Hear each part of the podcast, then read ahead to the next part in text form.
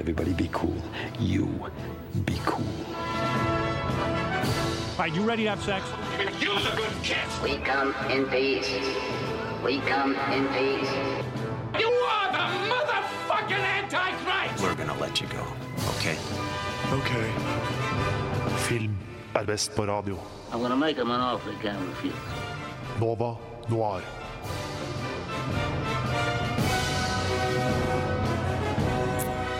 Woo! Nå, nå har vi hadde en intens samtale akkurat nå som handlet om eh, kjendiser. eh, Drake og Rihanna, og det er vel ikke det vi skal snakke om her. Fordi det er Nova Noir som er på plakaten.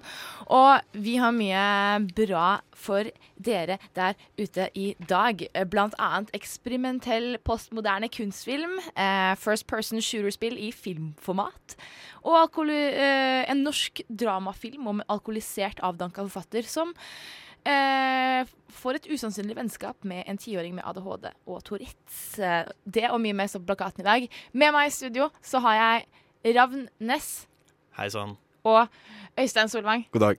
Og bak spakene så har vi Linda Holtzeland. Jeg heter Miriam Folland. Hei. Det var skikkelig sånn Nå ble jeg litt uh, ivrig her, skjønte jeg. Veldig intenst. Veldig bra. jeg er veldig stoka. Vi har sykt mye bra i dag. I tillegg så skal vi um, få besøk av uh, en representant fra Arabiske filmdager, som er festivalen som begynner neste helg. Det er uh, kanskje Oslos kuleste filmfestival. Det er kult. Utenom det så skal vi høre masse bra musikk. Det som er veldig kult, er at Radio Nova har eh, sin egen festival, musikkfestival, da, i denne helgen.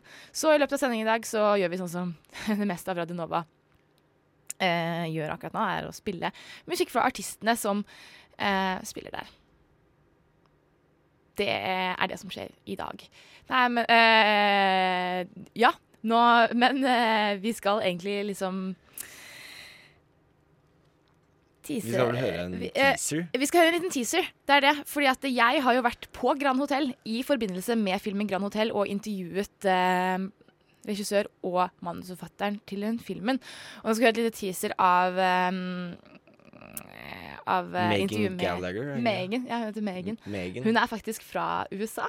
Ah, og det er du Eh, det er jeg også, så vi bonda litt over det. Hun har faktisk familie i North Carolina. Bare en halvtime unna der hvor jeg er familie i North Carolina. så vi bare wow, small world. Crazy. Ja, det er helt sjukt. Jeg ser litt på det. Do you think um, authors become alcoholics or alcoholics become authors? That's a good question. Well, I, I would hope neither is going to end up happening to me, but um, gosh, I, I guess the solitude. Unlike a lot of other um, art forms, you you reference acting, for example, or it's there's solitude. Um, there's a lot of solitude in writing. You can't write with a whole bunch of people around you. Um, you need to be alone. Um, and I could I can understand how somebody might be tempted to, to go down that path. But yeah, I think it's solitude. I think it's loneliness, maybe desperation. Megan var uh, sykt kul. Hun var skikkelig åpen og ga veldig gode personlige svar. Så stay tuned eh, i løpet av sendingen, så hører du resten av dette intervjuet. Uh, nå skal vi høre ei lita låt uh, som er eh, eh, soundtrack til en av mine favorittfilmer, eh, Frances Ha. Og det er eh, 'Modern Love' av David Bowie. David Bowie fikk du der med 'Modern Love'. Eh, Ravn, hva er din definisjon på 'Modern Love'? Min definisjon på modern love, den, eh, det var en, en tøff en. Jeg må faktisk uh, gå litt over på det depressive her, uh, så jeg er litt enig med Mr. Bowie. I don't believe in modern love. Åh. Kjærligheten er som en sur melk i vinduskarmen som bare venter på å bli klumpete. Mens sola steker.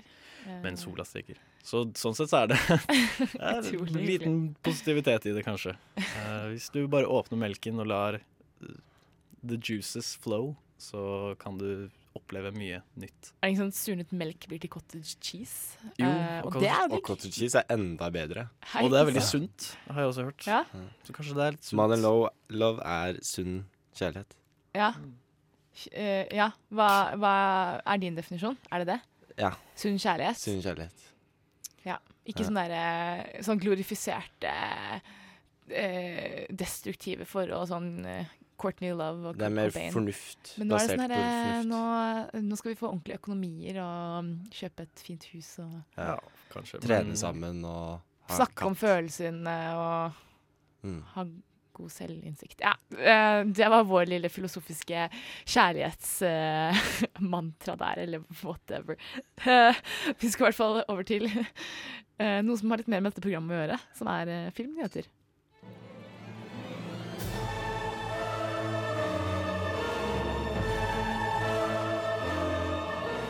Well, hello, Mr. Fancy Pants. I got news for you, pal. You ain't leading but two things right now Jack and shit. And Jack left town. Nova Noir gir deg ukas filmnyheter. Jeg har egentlig lest veldig lite om filmnyheter i det siste. Har du, hva, hva med deg, Ravn? Eh, Jeg har eh, lest litt, jeg har, eh, men jeg har ikke holdt meg eh, totalt oppdatert. Nei. Eh, Hva med deg, er- Jeg har lest masse filmnyheter. Ja, så nå- da skal jeg Jeg kan jo oppdatere dere. Ja, takk. Ehm, jeg kan jo starte med noe jeg syns er fint, fordi ehm, det er jo ikke veldig mange mannlige regissører der ute. Nei. Og det er ikke mange vanlige regissører. Eh, Jo, det er mange mannlige regissører. Sorry. Det hadde vært fint om det ikke var så mange, da. Nei. Eh, men eh, det, det kommer eh, ny sesong av Sherlock. Hey. Og da skal de tre første episodene være regissert, av en eh, jente. Det, er- men tre første episodene er jo hele serien. Det er jo hele episoden. Nei, hele sesongen. Hele sesongen? Ja, for det visste jeg ikke. episoder. Fordi jeg har ikke sett på det. Det er- Men den er jo med den veldig kjente skuespilleren David eh, Cucumber, holdt på å si. David. Cumberbatch. Nei, David, er det ikke det han heter? Benedict Benedict Cumberbatch. Nå er jeg helt på jordet. Hvor er du? Har du ikke stått opp? Nei, Men ja, det er jo det er ganske på en måte passende for den serien, da, fordi det er jo bl.a. blant annet en kvinne som har vært med på å skrive manus til de tidligere sesongene. Det er alltid passende med en kvinne som regissør. Ja, det er det. Og men jeg, jeg vet ikke. Jeg, det kan godt være at det bare er en slags sånn placeboeffekt, men eh, jeg, mer, jeg, føler at jeg merker det i serien. At det er en, en kvin, sånn kvinnelig touch på, på det hele. Fordi det er bra? Fordi det er bra. Ja. Jeg liker serien. Det er i hvert fall Rachel Talalay som skal regissere. Hun har hatt The Who, har hun vært med i å regissere, og The Flash, som jeg er litt usikker på om er en serie eller film. Det er vel en serie. The Who Ja. mener du eh, Doctor Who. Doctor Who? Ja. Jeg tror det er litt tidlig tidligere på morgenen altså. for meg. Og Flash, ja, den er jo og ganske Flash, bra, er den ikke det? Og The Wind in the Willows, som jeg liker veldig godt, da, som er en som barne-TV-ting. Ja. Ja. Så spennende. Det blir gøy. Noe mer? Du, jeg ser du har ja. Jeg har uh, ganske mye, Uh, og en som jeg leste i dag, var at Kristoffer Hivju, vår alles kjære Kristoffer Hivju, skal spille i Fast and Furious 8. Eller Fast 8. Han skal være the bad guy. Oh, mann med gøy. Skal han ha skjegg i filmen? Det vet jeg ikke. Det sto det ikke noe om. Det er jo eh, er en veldig stjernespekket film, så det er jo, det er jo ganske kult. at Jeg har en eh, plan for eh, å lage en video i Nova Noir hvor jeg bryter meg inn i Kristoffer Hivjus hus. Um, og mens han sover, barberer av han skjegget og dokumenterer det. Fordi jeg har ikke lyst Jeg må se hvordan det ser ut. Kan vi ikke, Og så rammer vi inn skjegget her på Nova. Ja, jeg, jeg skal lage da en lite armbånd av det og ha det med meg alltid. Du kan sikkert selge det for evige penger. Åh, sant. Dette er uh... Det er en god idé. Men jeg synes det er skummelt, fordi han er litt som Samson. Han, på en måte, hvis du barberer han, så mister han alle sine krefter. Oi, kanskje. Det, så i, kanskje ikke Kanskje vent med det til han har pensjonert seg. Jeg er for nysgjerrig. Jeg er for nysgjerrig. Nei, jeg bare tulla. Til alle der ute, og eventuelt politi. Det var kødd. Humor. Eller prøvde på, da. i hvert fall.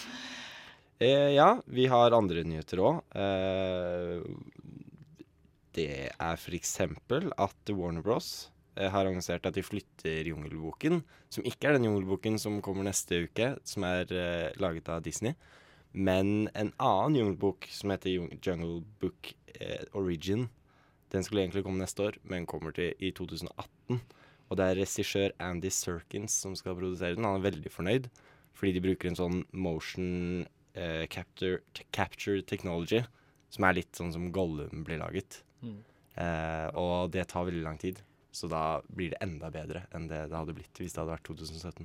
Er det han som spiller Gollum? Som det er han som er spiller? Gollum, som Ah. regisserer. Jeg tror han spiller i veldig mye sånn motion capture-opplegg. Mm, Så konge. Ja. Men uh, er det ikke enough with the Disney remakes? Eller hva? Men det er jo ikke en Disney-remake, det er jo en bok i første omgang. Men altså, jeg, har aldri skjønt det med Jungelboken, fordi jungel, Jungelboken-filmen er det, det er jo ikke, en, det er ikke noen bok i den filmen. Jeg så, Så, du, syns er, du syns det er teit at den heter Jungelboken fordi det er en film? Ja, ja, på en måte. Den burde Jungelfilmen. det høres, det høres uh, rimelig idiotisk ut å kalle den Jungelfilmen. Men jeg, jeg husker jeg, da jeg så den da jeg var liten, den Disney-versjonen, så tenk, trodde jeg at det kom til å være en sånn bok med i filmen som var sånn Ja. Å, Jungelboken, Jungelens bibel. Men det har vel noe med at du var liksom Når man er eh, ung, så er man dum. Ja, sant. Da kan det ha noe med det å gjøre at jeg var idiot. Men altså, Rupert Kipling, er det ikke den til Han som har skrevet den? Jo. Det er veldig sånn dårlig um, oppfinnsomhet, da. Jungelboken. Det blir liksom sånn Ja, for all del. Jungelboken over alle jungelbøker. Kunne kalt det Mowglis eventyr, eller hvordan jeg stjal denne historien fra India. Oi, oi, oi. Eh, fordi jeg er en jævla hvit eh, kolonist. Åh. Ja. Der fikk jeg ut litt eh, sinne. Nei da. Ja. Det er godt. Mann også. Men jeg, det, jeg, var, jeg følte det var der du, den veien der du gikk. Nei, nei. Det er ikke bare mennene som er eh, roten til all evil her i verden. Det er også de hvite mennene. Og spesielt Spesielt. hvite menn. Ja, det er- det er godt. En god blanding.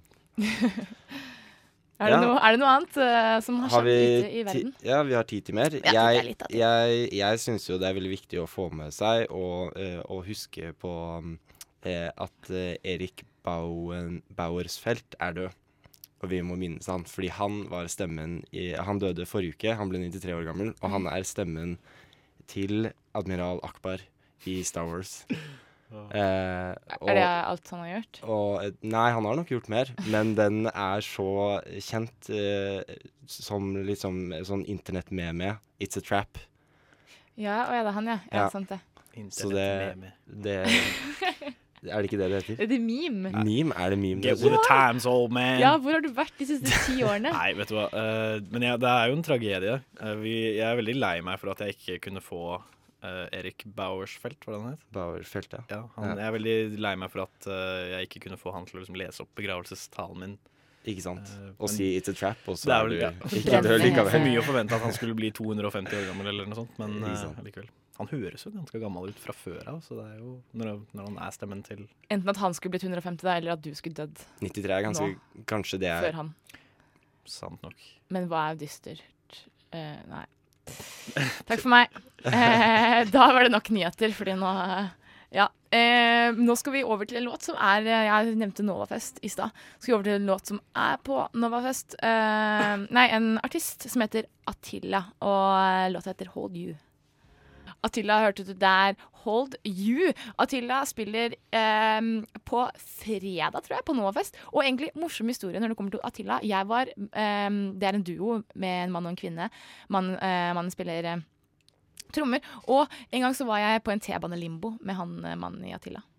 Hva er den T-banelimbo? Det skal jeg fortelle deg, Øystein. Det var en av de verste dagene i mitt liv. Jeg tror jeg kom hjem fra hyttetur og var dritsliten. Satt her på Majorstua, skulle ta T-banen til Nydalen da jeg bodde for den tiden. Men så var T-banen på den ene siden stengt, så han fyren som var der, han som jobbet der, så bare ja, gå på andre siden, du ta, bare ta den andre T-banen rundt.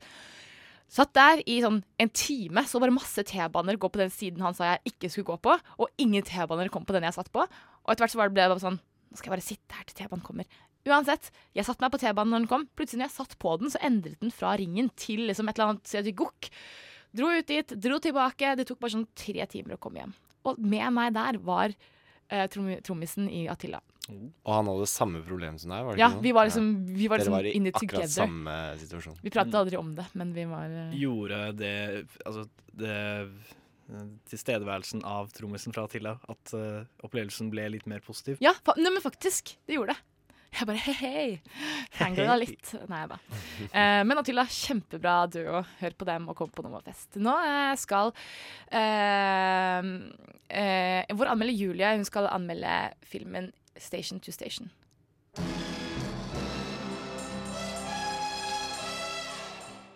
Ukens kinopremierer.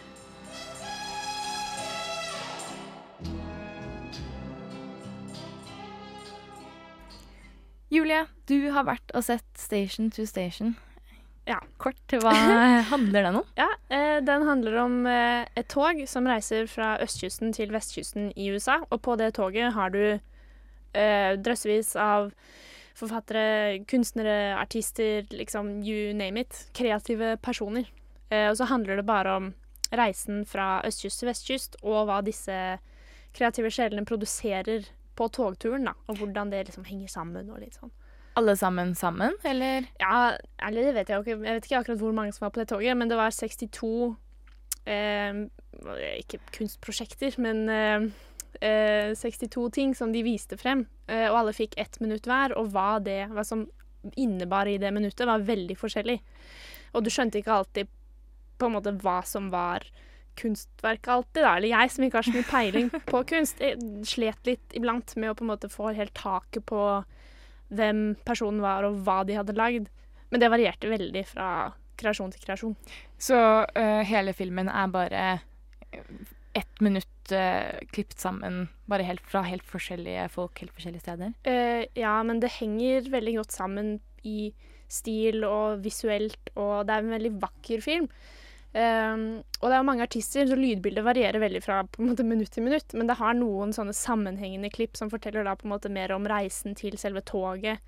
Uh, og viser veldig, veldig mange fine naturlig, naturbilder og uh, bylandskap og sånne ting.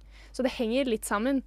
Men jeg følte at det var, det var veldig lite narrativ, så det var litt vanskelig for meg som en vanlig person, ikke en spesielt kunstinvestert eh, person, til å på en måte få litt få det til å henge helt på greip, da. Når du sier kunst, mener du liksom sånn billedkunst eller skulpturer eller musikk eller hva? Ja, du, det var alt det. Det var blant okay. annet en uh, mann som hadde lagd en tegning ved en sånn uh, maskin eller noe han hadde bygd, som gjorde at han puttet en ball i blekk, og så la han på et lerret som på en måte bevegde seg med toget, og det skapte en tegning, og det var hans kunst, eller bidrag til togturen, da. Og så brukte på en måte veldig mange av eh, skaperne togturen som et som inspirasjonskilde, eller et, som liksom veldig bokstavelig et bilde, eller til å lage et eller annet ut ifra det, da. Så det var på en måte veldig mange tolkninger av samme ting, som var for så vidt litt interessant å tenke på. Men eh, jeg føler at hele filmen ble veldig sånn konseptmessig mer interessant enn den kanskje egentlig var å se på. For meg, da.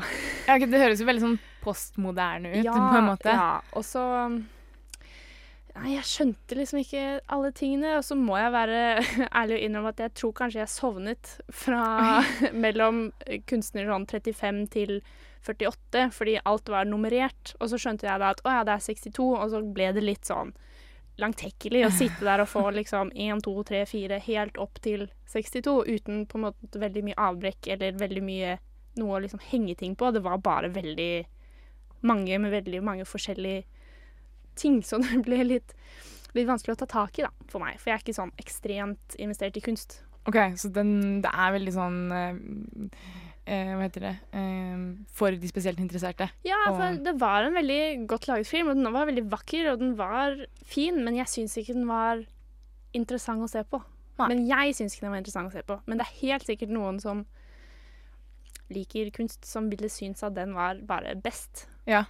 Um, så sånn type sånn ternekast, så vet jeg virkelig ikke hva jeg skal gi, for det blir litt sånn ja, fem på en skala av, av fisk til potet. Det blir helt sånn Jeg føler ikke at jeg har grunnlag nok til å kunne bedømme om det er en bra film eller ikke. Nei, men du, men du fikk ikke noe ut av å se den som bare et vanlig menneske, hvis du skjønner hva jeg mener? Ja, altså, ikke noe særlig ut ifra at den var sånn, sånn konseptmessig, men jeg syns den var pen å se på. Toget var veldig fint. Det var masse sånn lys på toget og sånn om natten. Og så veldig mye fine sånne bilder, men sånn rent historiemessig så syns jeg ikke det var sånn ekstremt spennende. Nei, ok. Så, men egentlig så høres det litt ut som det kunne vært en sånn hm, musikkvideo eller eh, bare sånn kunstprosjekt eh, mer Ja, enn på en måte en spillefilm, da. Ja, det virket jo litt som om hele, hele toget var et stort kunstprosjekt Ja. med veldig mange aktører som alle fikk tid til å presentere sin greie på sin egen måte, og det ble litt Nei, nei jeg vet ikke. Altså, liker du kunst, burde du gå og se den. Hvis ikke, så er det kanskje ikke noe for deg. Nei, fordi det, er jo også sånn derre eh, Beck og Patti Smith eh, er jo no, to av de artistene som eh, Ja. lager det. Så hvis man også kanskje hvis man er interessert i de artistene som man Mm. ser eh, ramst opp, så Ja. burde man også Men som sagt så får du jo bare ett minutt, så du får jo bare se de du liker i ett minutt. Ja, Det er jo ikke noe veldig mye mer enn det, og jeg har veldig lite peiling på hvem folk er, og følger veldig lite med. Så for min del så var det ikke så givende å på en måte sitte der og få et minutt med 'Å ja, det er han fyren fra det stedet som jeg så på den gangen', og liksom Det, det traff meg ikke helt. Jeg skjønner. Men du må nesten gi et eh, Sorry, du må gi et lite må. Du må det. Én til ti. Ja, OK. For deg, Da- personlig. Ja, Subjektivt. Nå sovnet jeg jo, da. ja, men det må du ta til etterretning Ja. når du gir karakter. Så um, fire av ti, vil jeg tro. Fire av ti. Ja. Til Station to Station, så kanskje ikke den sterkeste filmen denne uka her, men hvis du eh, eh, Hvis du elsker som sagt, Liker du liker kunst? Går du på prosjektskolen, f.eks.? Sikkert midt i blinken for deg. There's a name for you ladies, but it isn't used in high society, outside of a kennel. Nova Noir sterke meninger. King Skurk One med Nøster deg. Den er også eh, King Skurk One er også eh, noe som skal spille på Novafest på lørdagen. Lørdagen er vel den dagen som er litt mer dedikert til eh, hiphop og R&B, mens eh, fredagen er mer norsk rock og eh, synt og alt mulig annet. Anbefaler å komme begge dagene, ass. Jeg også. Jeg Det tror det Uavhengig om du liker hiphop eller rock. Egentlig, ja. Og jeg tror det blir helt konge. Veldig bra atmosfære og eh, folk. Veldig bra folk. Masse Nova-folk. Det The full experience. The Full experience. Og det kom i dag, forresten. Det er mm, radiobasar eh, her på Chateau Neuf eh, nede i Glassbaren. Så har, tror jeg, ikke Glassbaren, men i um, foajeen der, så er det basar, eller altså sånn loppemarked-type, med live radio, som blir veldig kult. Og det For de er som- gratis. Den er gratis. Og de som ikke vet hvor Chateau Neuf er, så er det På Majorstua. på Majorstua. Det Ved Politihøgskolen. Ja. Ja. Folk, Musikkhøgskolen. Bare spør hvem som helst, så, så finner du finner du oss Billig her. øl. Billig øl. Du kan kanskje ikke reklamere for det. Jo da. Jo. Da. Fine folk, Fine folk. ikke minst. Ikke minst. Eh, det som også skjer i dag, hvis du først vil ta en tur på basaren, så kan du også klokken syv så setter Cinema Nøff opp eh, filmen 'Exit' av Vibeke Løkkeberg, en veldig kjent eh, norsk regissør. Eh, var tidligere gift med Pål Løkkeberg, en annen norsk eh, regissør. Og eh, hun, hun kom på besøk på Cinema Neff, og det er kjempekult, fordi hun eh, er eh, utrolig flink og dyktig og har mye kult å si.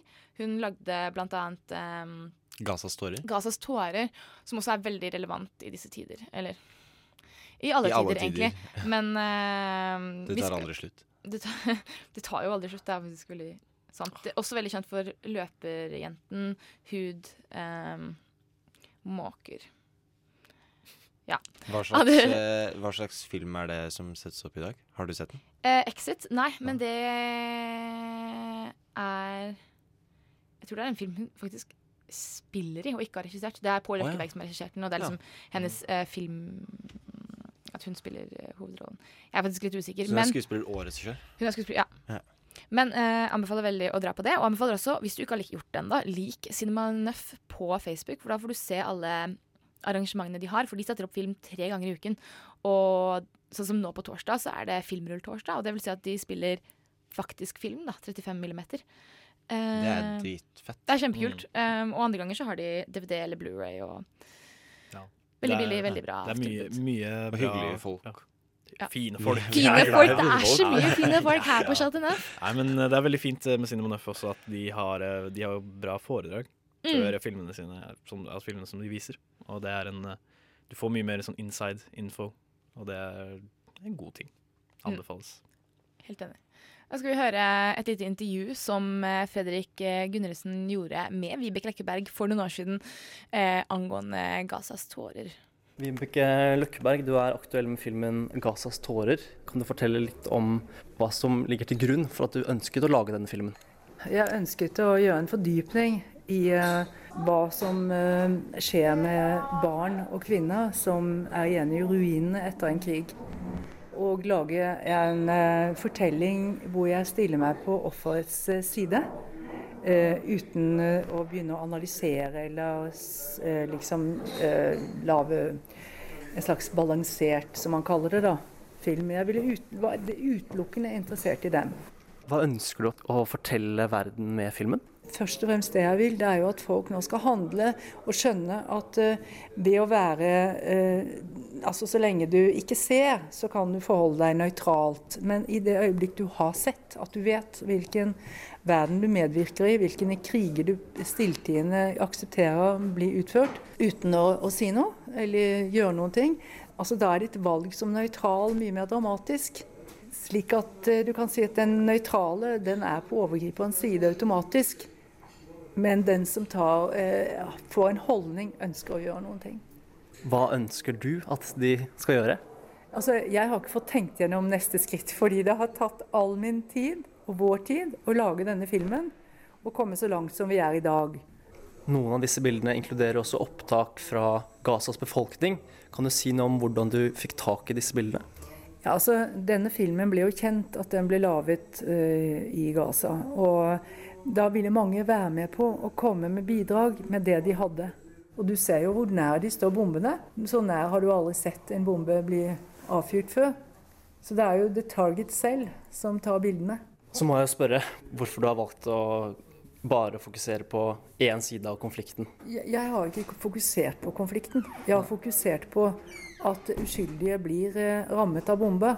Og eh, fosforbomber og skudd. Det er det jeg har fokusert på. Så denne konflikten man hele tiden ønsker at jeg skal ta stilling til, det har jeg ikke gjort. For det finnes ikke en analyse i filmen. Det finnes ikke en, eh, en voiceover. Det er bare i begynnelsen hvor jeg konstaterer at så og så mange ble drept i denne krigen. Så og så mange ble skadet.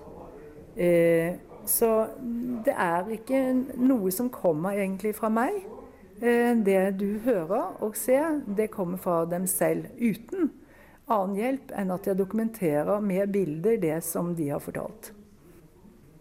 Det er jo veldig eh, vanskelige bilder og, ekstreme bilder. Hvis noen skulle mene at den kanskje tipper over at det blir for mye av det, kan du på en måte forsvare det? Det kan jeg bare si deg at du har bare fått sett det, beste, det du kan. Vi har silt ut. Det som ligger igjen, det er så ille at du aldri får se det. Eh, så hvis ikke du skal kunne se det, så vil du heller ikke reagere utover det du reagerer. Om du kan sitte foran en TV-skjerm og se at det plutselig kommer noen bilder fra en hvilken som helst katastrofe, krig eller hva det er. Du vil ikke til slutt skille det, fordi du vet du er reddet av en eller annen reklame, av en eller annen ny nyhet like etterpå. Eh, sånn at du får ikke en emosjonell effekt på deg på samme måten av varig karakter det som eh, Når du flytter dette inn i en kino, og du sitter der 85 minutter og må identifisere deg med de som dette, blir rammet av dette, så får du en opplevelse du, som går utover det å få en informasjon. Og veldig mye av vårt medievirksomhet er informasjon. Analyser og eh, vinkling fra en spesiell eh, Alt er vinklet, ikke sant. Denne filmen er også vinklet. Den er helt subjektiv. Akkurat som all annen journalistikk er subjektiv. Du er ikke redd for at de ekstreme bildene kan måtte hindre folk å se den? At de hører 'Å nei, eh, ikke se den filmen der, den er altfor forferdelig å se på'? De som har sett den, sier 'dette må alle se'. Fordi at eh, er, den, den, ansvarligheten ved å være et menneske i dag er på en måte at du vet hvilken verden du stilltiende godtar uh, vold og ekstreme handlinger fra når det gjelder politikere som jo bestemmer dette her. Eller om du vil bli et menneske som vil påvirke til at verden blir, blir bedre. Da har man jo et valg å ta. Og da kan man ikke gå og gjemme seg eller putte huet i sanden. For da er det jo bare en marionette i et stort maktspill. Hvor uh, våpenindustrien uh, flyr over hodet ditt uh, og vil ødelegge oss alle til slutt. For det er jo økonomi det er snakk om. Det er jo å tjene penger på våpen som er liksom, liksom det hele dreier seg om her.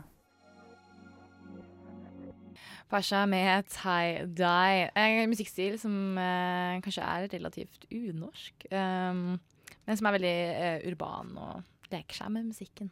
Veldig kult. Har dere mange tie-dye-klær, eller? Hva er tie-dye? Oh, tie-dye Ja, du vet sånn når det går liksom over fra en farge til en annen. I sånn, ah. litt sånn hippie Er ikke det dip-dye? Ja, nei, det er når du gjør det på håret. Tie-dye er når klær er sånn. Ja, ok. Ja. Har du ikke noe tie-dye? Mm, jo, nei. Det tror jeg ikke. Ravn, har du tie-dye? Jeg har ikke noe tie-dye, men jeg tror det er eh, mange mennesker som bruker tie-dye, som har nesten bare tie-dye. Det, er, eh, det blir liksom en greie. Ja. Så jeg er sånn nesten litt Det er en personlighet, det er ikke en klesstil. Men det Ja, som er at uh, jeg eh, er jo halvt amerikansk, og da jeg bodde i USA, så var tie-dye veldig svært blant the kids, uh, meg inkludert. Uh, så jeg har en del tie-dye. Ja. Det er kult. Det er kult. Du burde gå litt Takk. mer med tie-dye. Jeg tør ikke i det norske samfunnet. Man blir så dømt. Alle er sånn der Å ja, du er en sånn hippie, du. Men Pasha hadde digget deg. Hæ, Pasha hadde digget meg. Pasha. Shit, ass. That guy. Det er gøy. Snart skal vi snakke med noen folk eh, fra arabiske filmdager. Denne fantastiske filmfestivalen som settes opp eh, nå hver vår eh, i samarbeid med Film fra sør, som opp, settes opp om høsten. Der de, spiller, der de bare mm, har filmer som er fra og handler om Midtøsten-området. Så dritkult. Eh, stay tuned, så skal vi prate litt med de. Før det så skal vi nå anmelde ukens andre kinopremiere.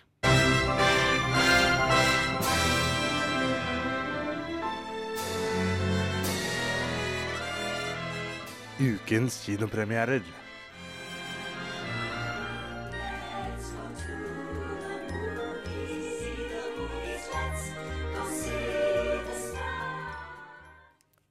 Rav Ness, som sitter her med meg og Øystein. Du har sett film? Ravnes Ravn. har sett Hardcore, eh, Yes. som er en actionfilm som handler om en mann ved navn Henry som må redde kona si fra en ond kidnappers klør, og han må bruke vold i veldig stor grad for å redde kona. Hello, Henry. Do you remember how you got here? This next part might hurt.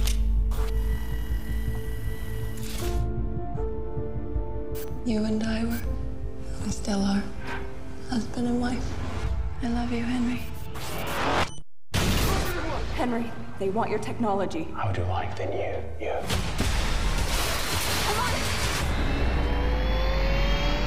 Altitude. The chute! Hold the chute! Hold on, Henry! Okay, well, the good news is that you're going to live a while. The bad news is there's an army standing between you and your wife. So let's go get her.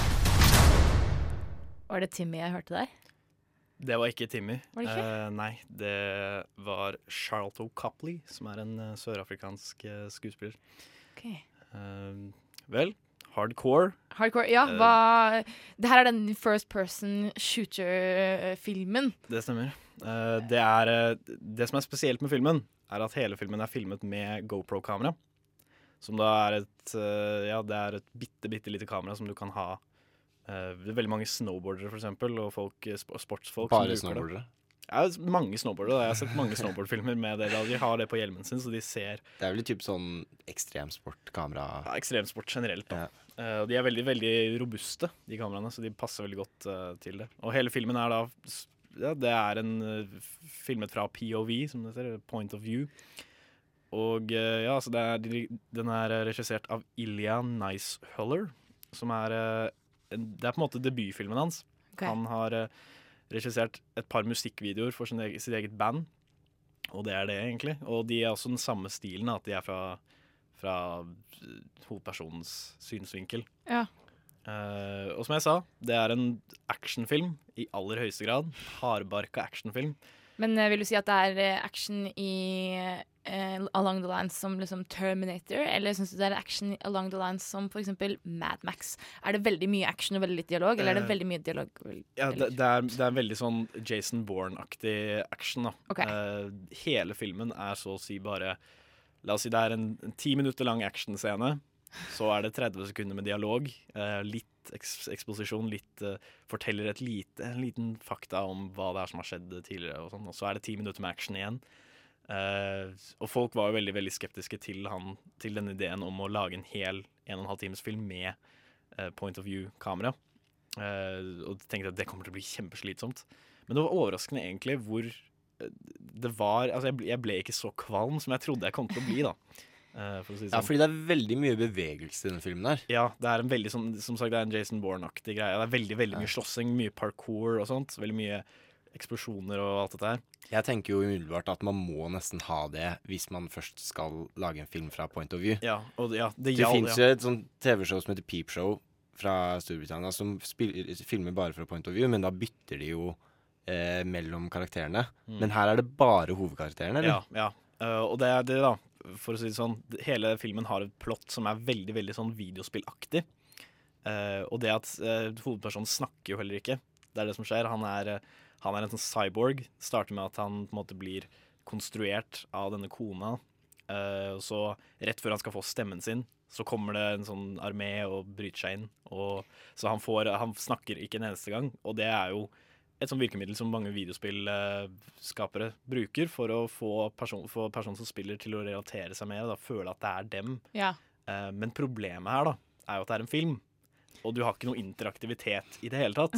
Så du blir ikke, det eneste som skjer, er at du får nesten Du føler ikke at karakteren du, han er, har noe særlig å komme med. på en måte. Man føler Han har ikke noe personlighet, nei, kanskje? Nei. I så stor grad. Nei, på en måte.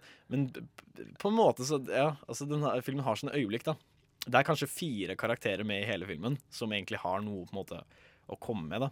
Uh, og det er spesielt en som heter Jimmy, som er han vi hørte i stad, som du trodde var Tim Roth, som også spiller, med, spiller i filmen. Han spiller, eh, han, og Tim Roth er på skjermen kanskje i 30 sekunder eller noe sånt. Um, men jo, Charlotte Copley spiller Jimmy, som er en sånn karakter som kommer fram eh, ja, og gir på en måte uh, hoved, hovedkarakteren nesten sånne missions. Veldig sånn videospillaktig, da. Eh, og sånn 'Å, du må gå dit. Møt meg der. Mm. Gjør det. Du må finne ham.' Ikke sant?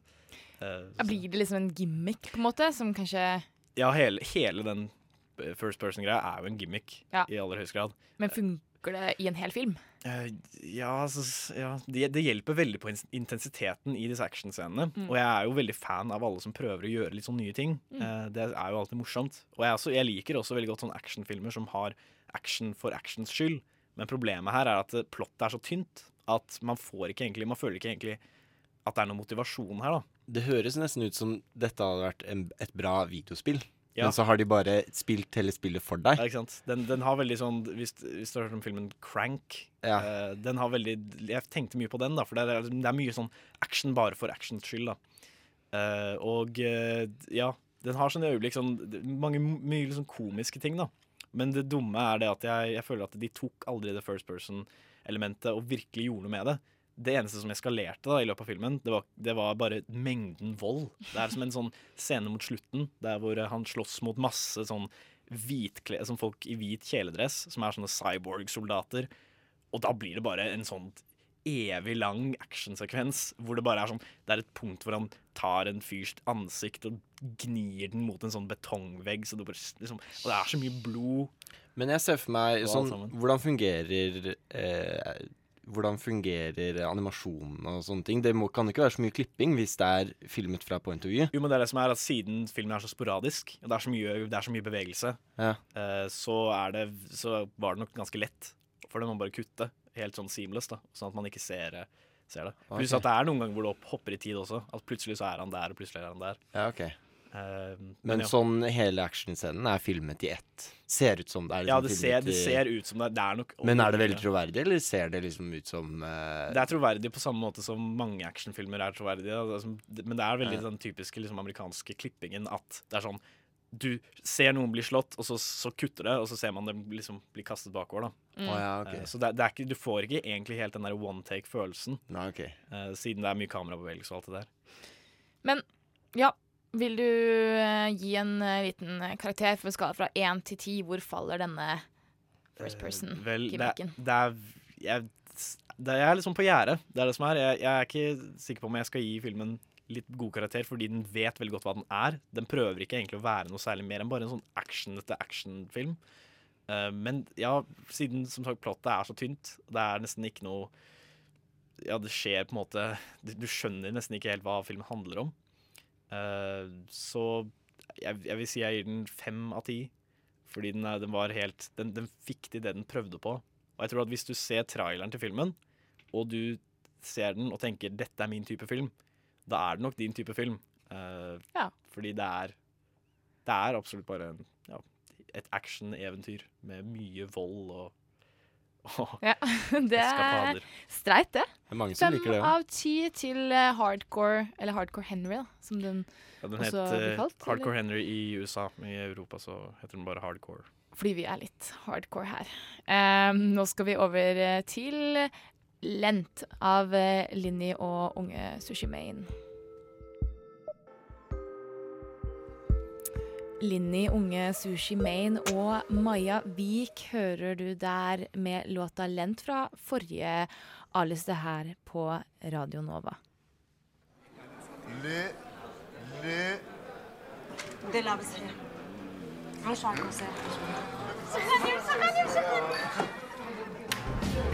我也没打。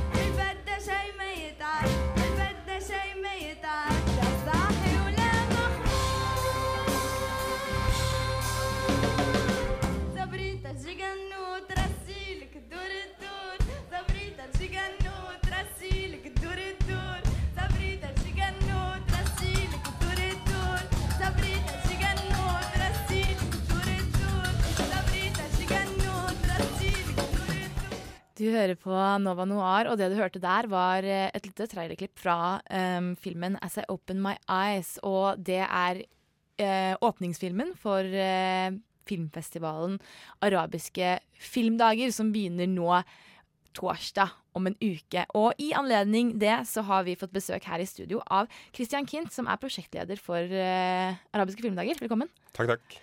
Hva, hva gjør du på Arabiske filmdager? Nei, jeg og min kollega Gjermund Granlund vi er prosjektledere. Det vil si at det er vi som liksom har prøvd å dra rundt i verden for å samle de beste arabiske filmene og presentere de her i Oslo. For det er jo nesten ingen arabiske filmer som går på vanlig kinodistribusjon i Oslo. Mens vi har liksom vært i Cannes og i Berlin og også i Dubai og Abu Dhabi i Midtøsten. liksom eh, Prøvd å reise verden rundt for å se ok, hva er det beste som blir laget av arabisk film. Og så presentere det her for dere i Oslo i løpet av liksom tre-fire dager. da. Så det er vi som setter sammen programmet, velger filmene osv. Og så har vi andre veldig flinke folk som sørger for at det faktisk eh, går sånn organisatorisk. Ja, fordi det Arabiske filmdager settes opp Eller har du sett det opp de siste fire årene?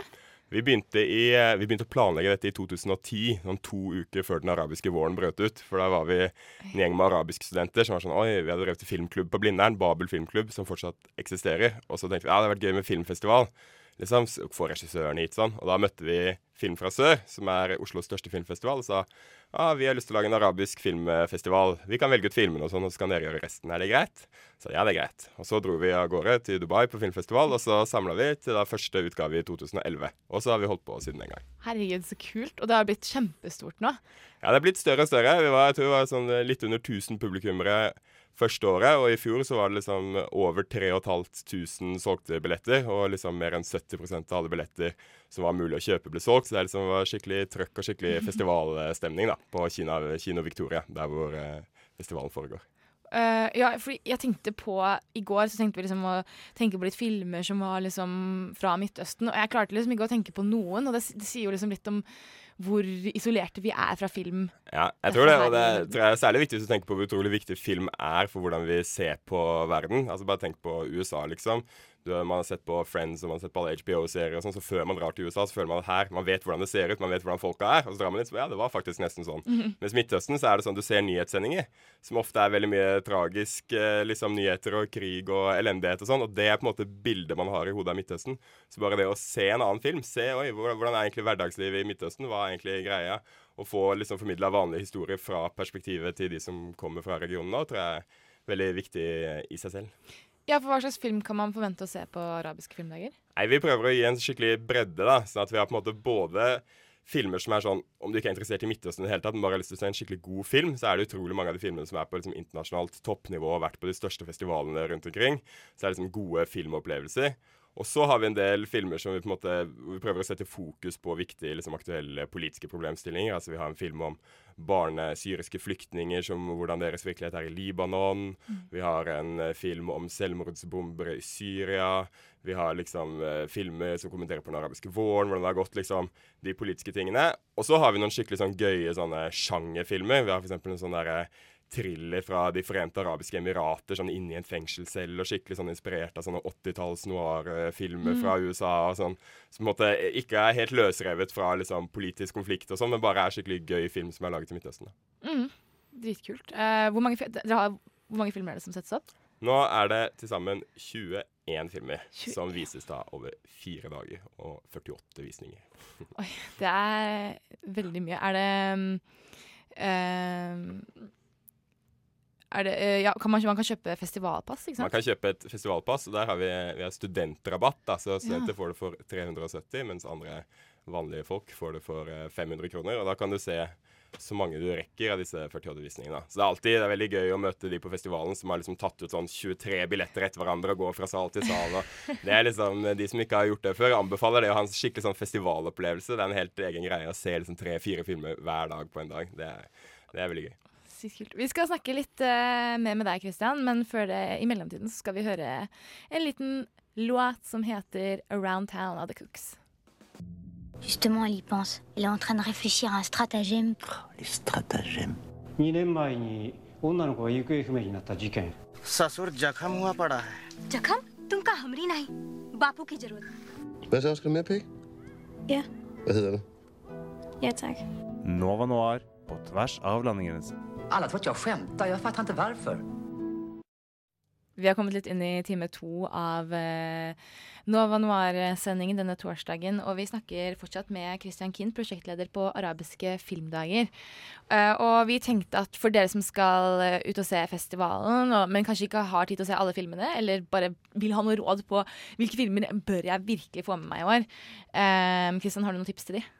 Ja, jeg vil anbefale alle å se det som er åpningsfilmen vår, som dere viste, eller spilte et, et klipp fra traileren fra i stad, 'As I Open My Eyes'.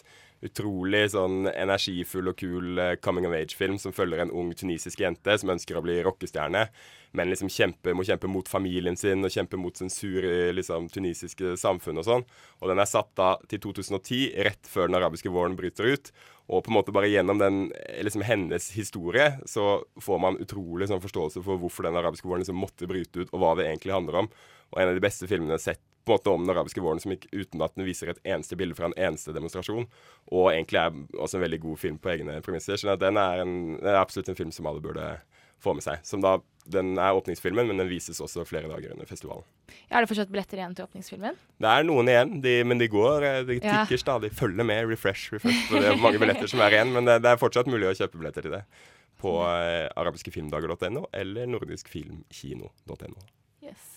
Eh, den definitivt eh, Se opp for den. Hva, er det noen andre Jeg har også lyst til å nevne at Dagen før åpningen så har vi et utrolig kult eh, prosjekt som er liksom helt unikt, som er en stumfilmkonsert. Hvor vi viser liksom stumfilmer samlet, samlet fra Midtøsten på slutten av det osmanske riket. Dvs. Si liksom fra 1890-tallet til sånn 1920. Og det er på en måte filmer som viser sånn hvordan Gaza så ut i 1907, eller Damaskus så ut i 1910. Mm. Og hvordan liksom eh, Det er en film fra første verdenskrig liksom i Nord-Afrika, hvor du ser kavaleriet, hestene ri inn med sverd. Og utrolig sånne bilder som er, Vi har liksom samla de filmene fra overalt i hele verden og satt de sammen til et program. Og det er musikere fra Midtøsten som spiller lutt og forskjellige instrumenter som skal sette musikk til de filmene. Og det er en sånn utrolig Vi hadde noe lignende i fjor, og gjør det samme i år med nye filmer. Og det er en utrolig sånn opplevelse, og de filmene vil bare vises én gang, og så sendes de vekk igjen. Så det er noe alle burde få med seg. Og det er da onsdagen, dagen før åpningen, på Cinemateket i Oslo. Det høres jo helt konge ut. Ja, det er veldig gøy, altså. Vi, eh, hva, du snakket om en film i stad som var en thriller. Ja, det er veldig gøy. Det er, på en måte, det er veldig lite sånn sjangerfilm fra Midtøsten. ikke sant? Det er utrolig mye filmer som er sånne gode, solide dramaer, gjerne om liksom kvinnefrigjøring eller liksom sosiale, viktige og politiske temaer. Og det er veldig bra, vi viser mye av det. Men vi er utrolig glad hver gang det kommer en skikkelig sånn sjangerfilm, mm. som er liksom en eh, thriller eller en komedie eller noe sånt der. Og vi har en del av de, blant annet da denne Rattle the Cage, som den heter, fra De forente arabiske emiratene. Jeg anbefaler alle bare å gå inn og se, skrive Rattle the Cage på YouTube og se den Mm. traileren. Så skjønner du hvordan filmen er. Det er liksom skikkelig litt sånn slasher-thriller-film.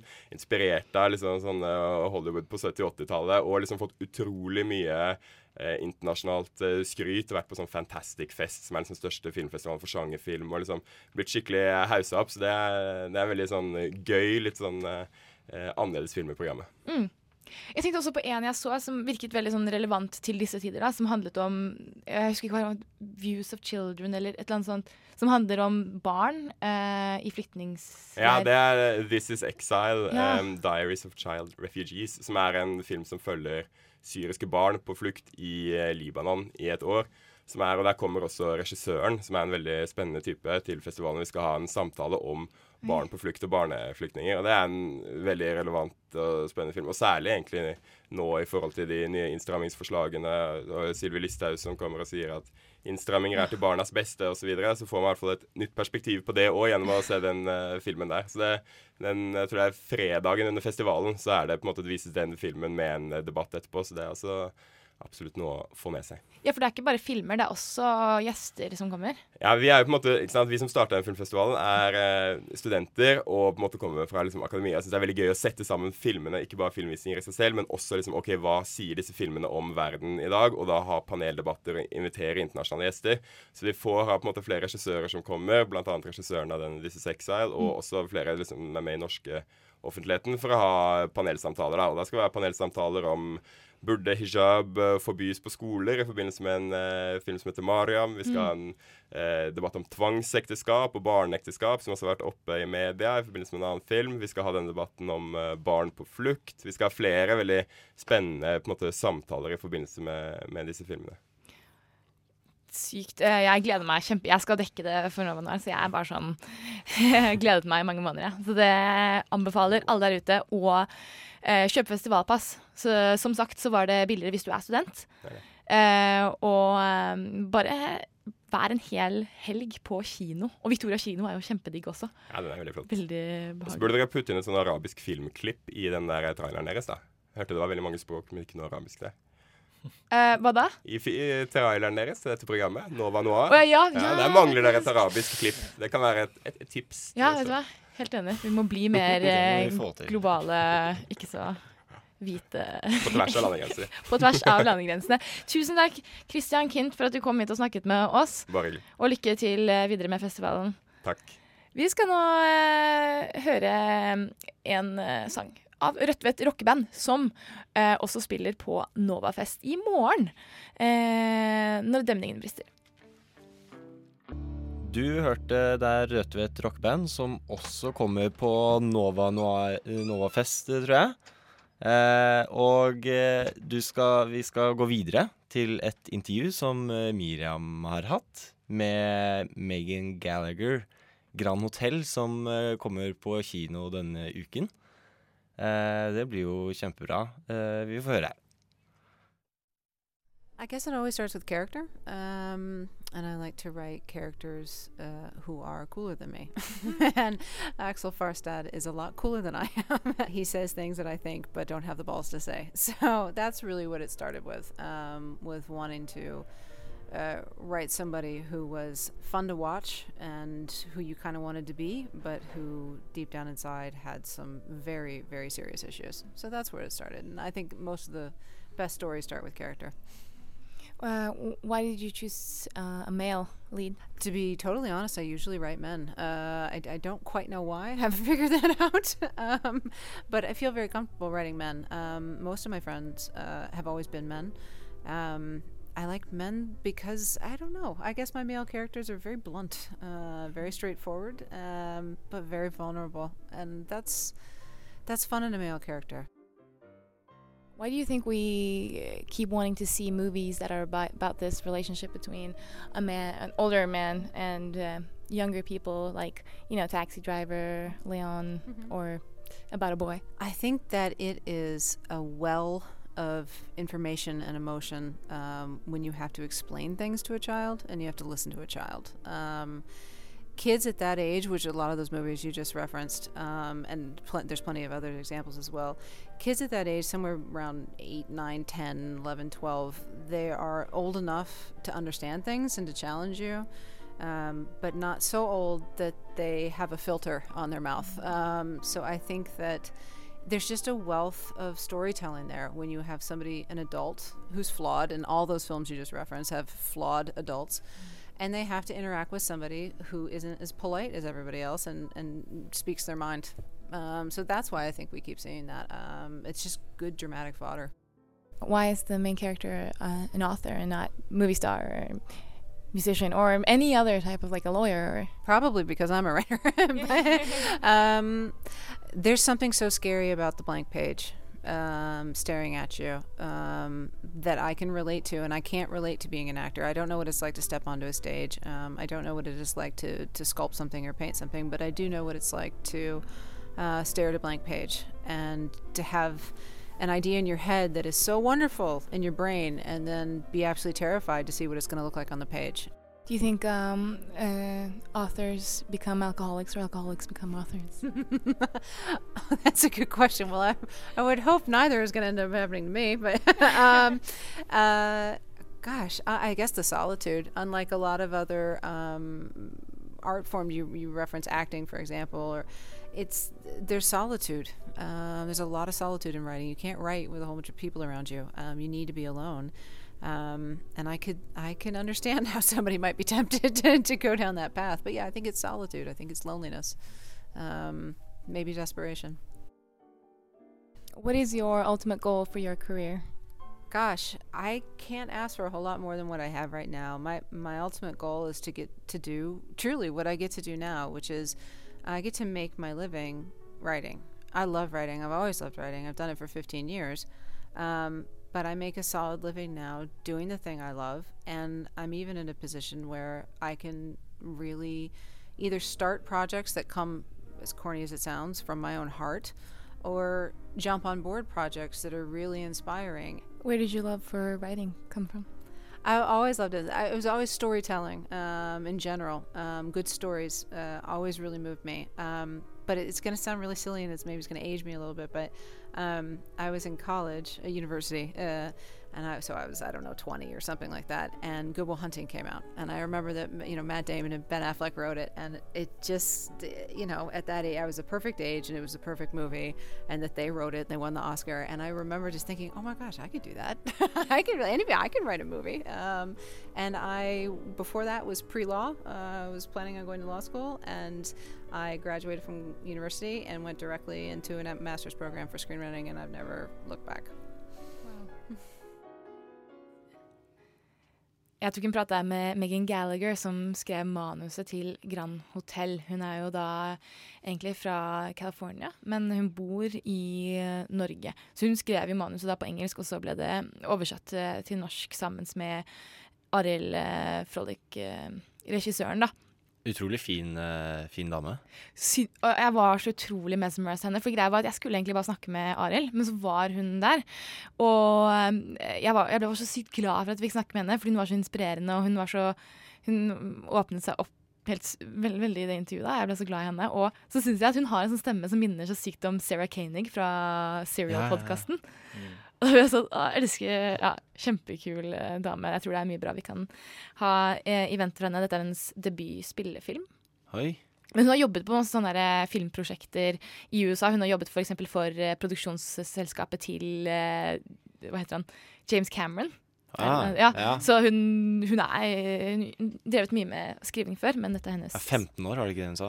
Ja, hun skrev har skrevet 15. kjempelenge. Det er morsomt å høre da, hvordan folk måtte bare bestemmer seg. Vet du hva, jeg skal skrive en film. Det, det skal jeg gjøre nå. Ja, det er så, det er så kult. Det er så inspirerende. Jeg tenker sånn, Veldig jeg kan også inspirerende gjøre dame. det. Ja. En som bare går ut og gjør ting. Ja. Eh, eh, vi skal snart høre fra da jeg har pratet med Arild Frolic, regissøren av denne filmen. Men eh, før det så skal vi høre Kråkevisa av Morgenrådet.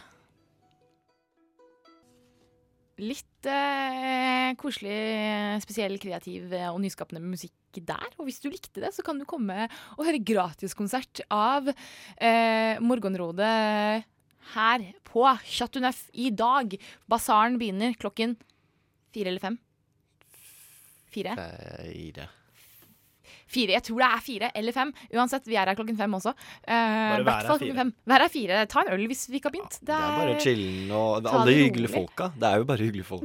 Det er bare hyggelig. Du, du Jeg prøver pusher den hyggelige folk Jeg primer det så mye at du, ja. bare De må være helt Ja, jævlige. hvis du ikke liker folk, så kan du du gjerne ta deg en rolig pils eh, i hjørnet og tenke Ikke sant? Høre litt på Radio Nova. Eh, Skrive memoarer. Skrive memoarer. Eh, Men ja, de skal i hvert fall spille gratis konsert der. Eh, vi skal over til intervjuet jeg gjorde med Arild Frolic eh, i, i forbindelse med hans nyeste film 'Grand Hotell'. Arild er faktisk kanskje mest kjent fra filmene Pitbull Terje, Fatso og Dr. Proctor-filmene. Og har Ja. også uh, regissert Helt perfekt, noen episoder der, og den Thomas Giertsen-serien. Ja. Og også noen episoder av Åpen post og uh, Utover hage, så jeg. Der har han gjort mye bra, da. Han har gjort mye bra. Mye humor.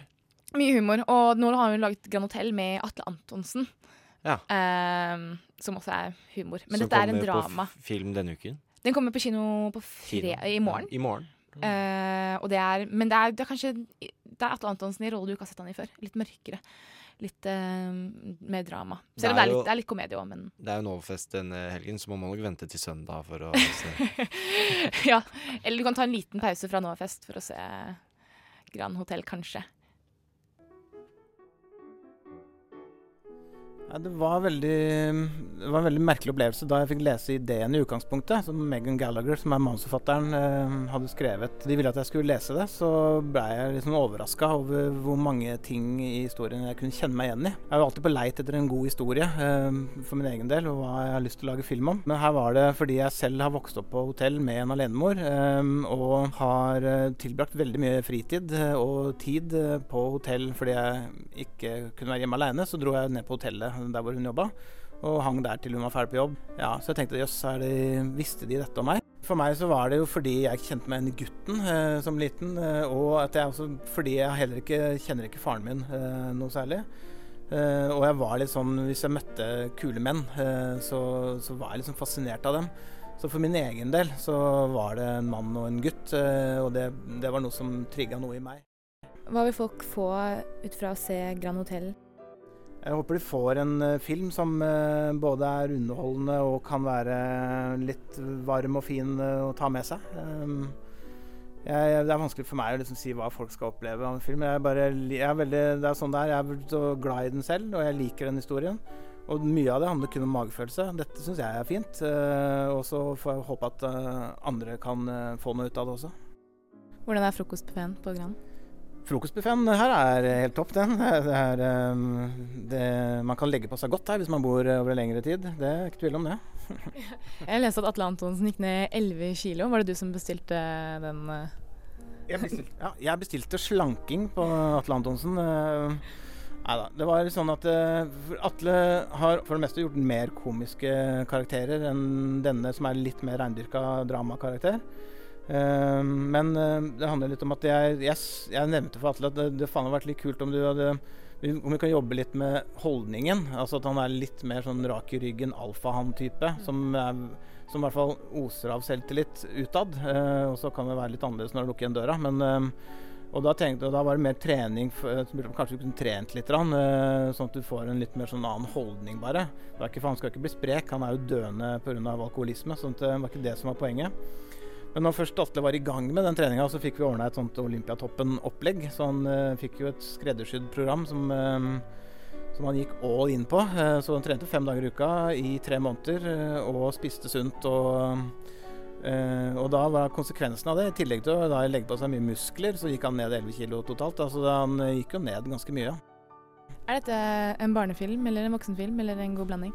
Nei, Det er ikke en barnefilm, det tror jeg ikke det er. Ehm, Det er en film for voksne først og fremst, eh, tror jeg. Jeg, ikke, jeg tror kanskje til og med godt voksne kan eh, like den. Hvis du liker Atle Antonsen og liker Dag f.eks., så tror jeg du kan like denne filmen. Hvis du liker About Boy og sånne type filmer med den type tema og tone, så, så, så kan du like denne filmen. Og jeg veit ikke hvem som så de filmene, men, ehm, men den, den, kan, den kan ses av. eh, Men den er ikke for de minste barna, i hvert fall. Det er litt artig, da, for de siste filmene jeg har lagd, har jo vært eh, familiefilmer. De Dr. Proctor-filmene. Og vært noe helt annet. De har fått sjuårs, sjuårsgrense, men når jeg nå liksom lager en film som jeg tror er for voksne, så er den tillatt for alle. så, så selv om jeg ikke prøver å lage barnefilm, så blir det barnefilm. Eh, det var Arild Frølich eh, i forbindelse med Grand Hotell. Så barnefilm, voksenfilm Det er vel voksenfilm, som man sier, mm, eh, som er, varmer. Og vi skal snart anmelde denne filmen, for nå har vi hørt fra forfatter og vi har hørt fra regissør, men vi skal snart anmelde den. Før det får du Fatlip. Today's your day, what you gonna do? Du hørte Fatlip med 'Today's Your Day, What You Gonna Do'. Det er bare å tenke seg litt om. Hva, hva skal du gjøre i dag? Vet du, Ravn? Vet du, Ravn? Hva jeg skal gjøre i dag? Jeg skal eh, gå hjem, og så skal jeg sitte hjemme. Og så Ja. skal jeg vente. Og så skal du på Novafest. og så skal du på Novafest. Og så skal jeg på Novafest. Og så skal, jeg- Selvfølgelig. og så skal jeg hjem, og så skal jeg sove. Men vi skal høre Det høres ikke ut som today's your day. Det høres ikke sånn ut nå. Vi skal få den ukas siste anmeldelse. Det er eh, Grand Hotel. Vi kjører.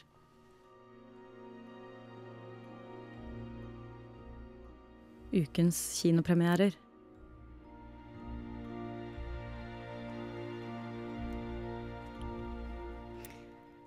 Vi har fått uh, Eivind Helgeland her i studio fordi du har sett Grand Hotel. Det stemmer. Hva er, hva er, veldig kort, vi har jo hørt noen intervjuer uh, angående det her, men Ja. hva, hva handler det om?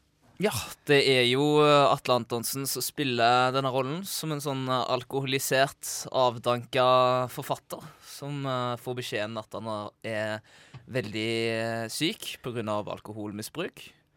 Og får beskjed om å slutte med å drikke, men han driter i det. Sjekker inn på Grand Hotell, vil ha tårnsuiten for å skrive en stor bok, da. Og så møter han jo på denne lille gutten i, i lobbyen, da. Og så utvikler de et forhold sammen. Kan du fortelle meg hvilken dag det er i dag? Tuller du det? Nei. Lørdag. I dag er det mandag. Du har skrumplever. Dette her skyldes jo alkoholmisbruket ditt. Altså, Jeg har ikke noen uh, sutrehistorie å fortelle. Jeg begynner ærlig talt å bli litt lei av å høre de andres også. Og hvis jeg ikke slutter å drikke, har du to til fire måneder igjen å leve. Om du ikke kan gi oss et kort med penger på så må jeg be deg å flytte ut. Jeg får forskudd på en bok på mandag. 300 000. Jeg kan passe gutten. Hva? Hva handler det første kapittelet om, da? Jo, nå skal du høre. Det handler om en flott forfatter som kverker en guttunge på hotellrommet sitt fordi han ikke klarer å holde kjeft. Det at du er et barn, gjør deg ikke automatisk søt. Hva holder du på med? Du skiter jo alle andre enn deg selv. Men du har jo ingen. Du har ingenting. Det var eh, Grand Hotel. Um, Atle Antonsen høres ut som en eh, sjarmerende type i denne filmen. Nei da, han gjør ikke det. Hva, hvordan, Stikk motsatt. Ja, hva, hvordan er karakteren til Atle Antonsen? Er det typisk Atle Antonsen, eller er det Hva er det? Du kan si det er jo vanskelig å ikke trekke paralleller til eh, hans rollekarakter i serien Dag, Mm. som òg er en eh, sånn kynisk, misbrukende eh, fyr, da. Eh, det kan du si, men eh, det er noen klare forskjeller uh, her. Um, Iallfall i forhold til selve filmen, så er jo, som dere har snakket om tidligere, dette en uh, dramafilm. Mm. Selv om det er en del humor til stede, så er det ganske deadpan, seriøse elementer i den. Uh, og så er jo den der karakteren til Atle Antonsen preges jo veldig av den store fornektelsen da, som han liksom har til hele tilværelsen sin.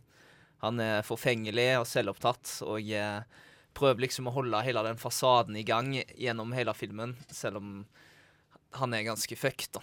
Mm. Men, eh, altså, men han får, får han til den kjekkas-rollen, på en måte litt som sånn på en måte kjekk på en litt sånn shady måte.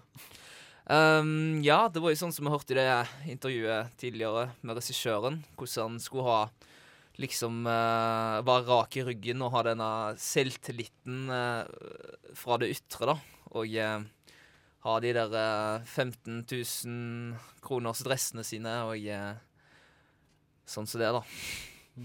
Ja, eh, men eh, har den her noe, noe nytt å bringe som man ikke får ut ifra f.eks. A Bad Boy, da, som har litt, på en måte den samme type eh, historieoppbygningen?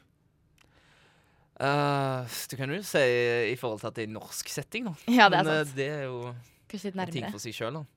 Um, du får jo det, det jeg tenker som eh, er eget med denne, da, er jo eh, i forhold til bare Antonsen sin eh, rolleprestasjon, så går han virkelig inn i noen sånne ekle, nesten ondskapsfulle spiraler nedover.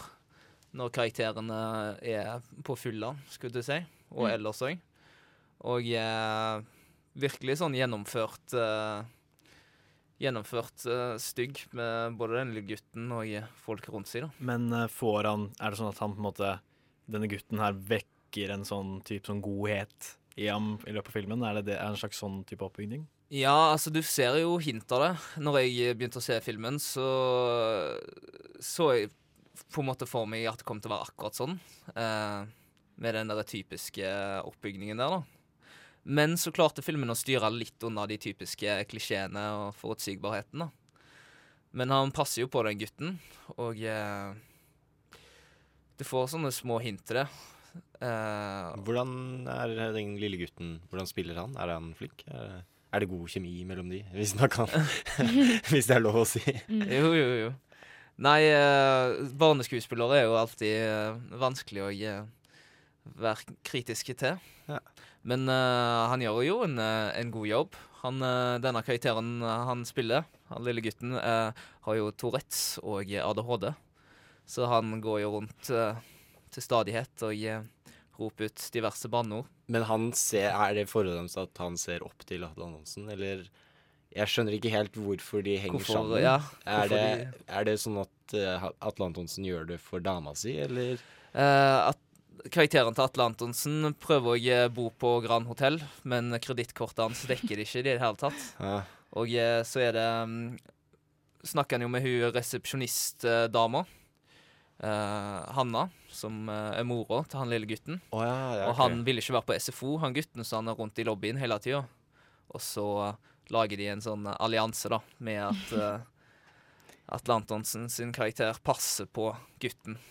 Imot at han får en ekstra uke i tårnsuiten der i, på Grand Hotell. da. Og så sa jo også um, regissøren noe litt det med at når man er en gutt og man har, eh, har alenemor, så syns man ofte at tøffe menn kanskje er liksom Ja, ekstra sant. spennende. ikke sant? Fordi man har ikke noen sånn farsfigur i livet sitt. Så jeg tror kanskje det er det, i hvert fall for den gutten, da. At han henger litt etter um, Aksel, som den karakteren heter. Mm. Hvert fall det jeg tenkte. Men em, eh, litt sånn raskt på Hva, syns du om manuset? Det er fordi at det er sånn, Man må alltid inn på det når det kommer til norsk film. Em, hvordan syns du manuset funka? Eh, jeg hørte jo det for første gang skulle jeg si, i eh, deres intervju der, at det Mm. var oversatt fra eh, amerikansk, eller Mm. engelsk, til norsk først. Og det, det hører du litt, på en måte. Det er mye sånn eh, typiske Jeg vet ikke, bare måten ting blir lagt fram på og eh, sagt, som Mm. eh, bærer litt preg av den oversettelsen, da, kanskje. Og det er kanskje noe som kan trekke litt ned, det at til tider så er det noe litt eh, Litt sånn uh, unaturlig uh, kunstig i språket, ja. Men du sa du eller, visste det ikke før intervjuet. La du liksom merke til det Du la merke til at det var noe rart, liksom? Eh, Nja, men det, Ja. det hører du jo ofte i, i en del filmer, da. Ja, det, er- jeg syns det er vanlig for hvert fall sånn Ja, bølgen, som jeg liker å ta opp som Ja, eksempel hver gang. eksempel. Veldig sånn animert uh, amerikaspråk. Ja. Men, Rett og slett. men uh, overall, um, på en skala fra én til ti, hvordan syns du filmen funka? Uh, jeg syns det er en uh, film som uh, gikk ut forbi, som sagt, de klisjeene og eh, forutsigbarheten jeg trodde han kom til å ha. Så den overrasket meg litt på den fronten. Eh, fine prestasjoner videre. Um, litt sånn pacing som uh, er litt sånn ujevn til tider, og uh, som sagt språk og sånt, da. Men uh, jeg tror jeg lander på en sju av ti, jeg. Sju av ti til Grand Hotell. Tusen takk, Eivind. Ja. Det virker det som dette kanskje er den sterkeste filmen denne uken. Det begynner å nærme seg slutten av denne sendingen her. Vi skal snart snakke litt om eh, hva slags film man ser på date. Eh, men før det så skal vi høre Pale Hound, Healthier Folk.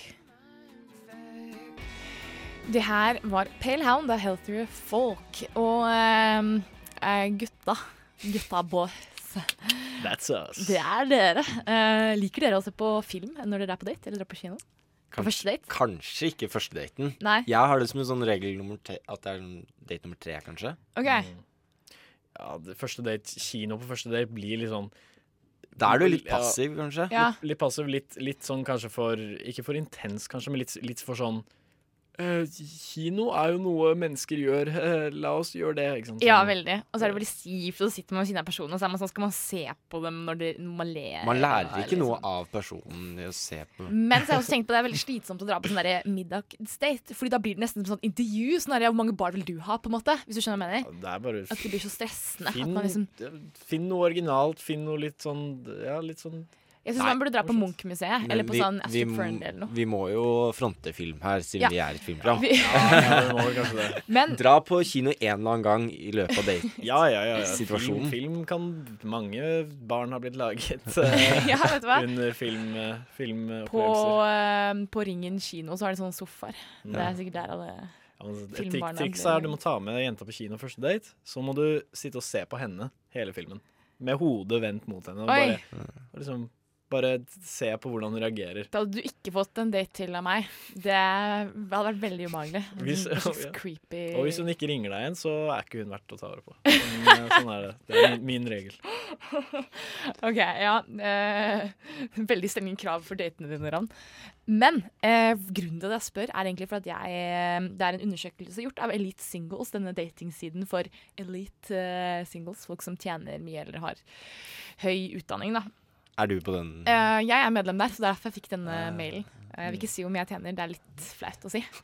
Men jeg kan si at eh, Nei, jeg bare tulla. Eh, hvis du ikke skjønte det. Hun bare later som at du tulla. men de har gjort en undersøkelse, og der hvor de fant ut at faktisk bare 56 av deltakerne i den undersøkelsen synes det er lurt å ha første date på kino. Da er jeg jo en av Elite Singles sine 44 Ja, du er det. Syns det er greit? som syns det ikke er greit. Ja, OK. Det Ja, 40 44 som syns det ikke var greit? Ja. Ja.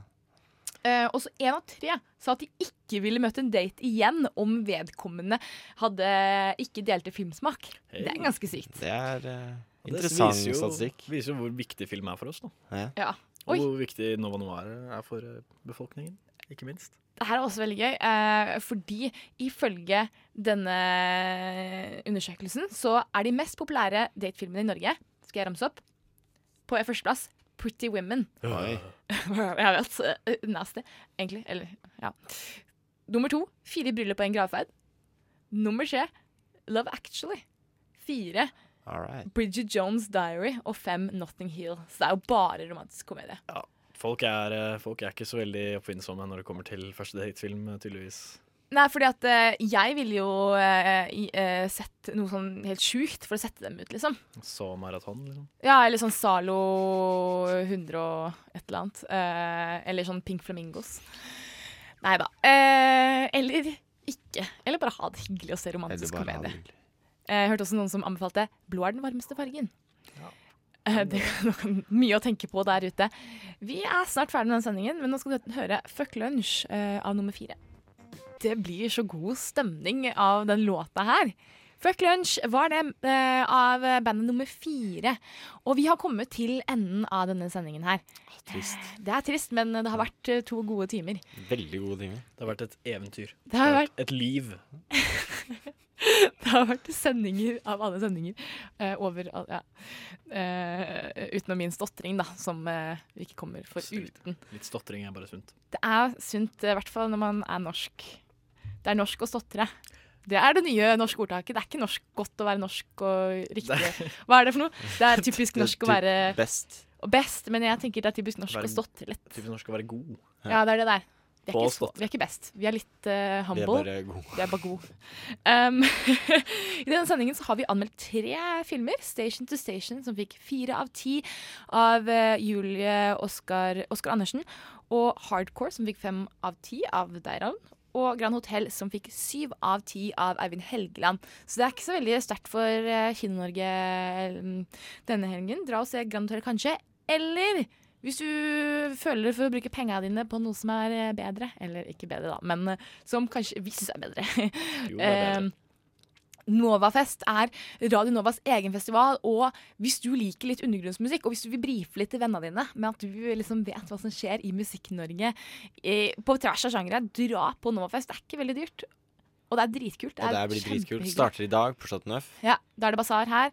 Fredag så er jeg ikke helt sikker på hvor det er, men både på fredag og lørdag så er det på en annen konsertsted. Dra inn på, no nei, på novafest.no eller på Novafest på Facebook. Det er også standup på lørdag, for de som liker det. Det er standup. Er stand-up. Liker du humor?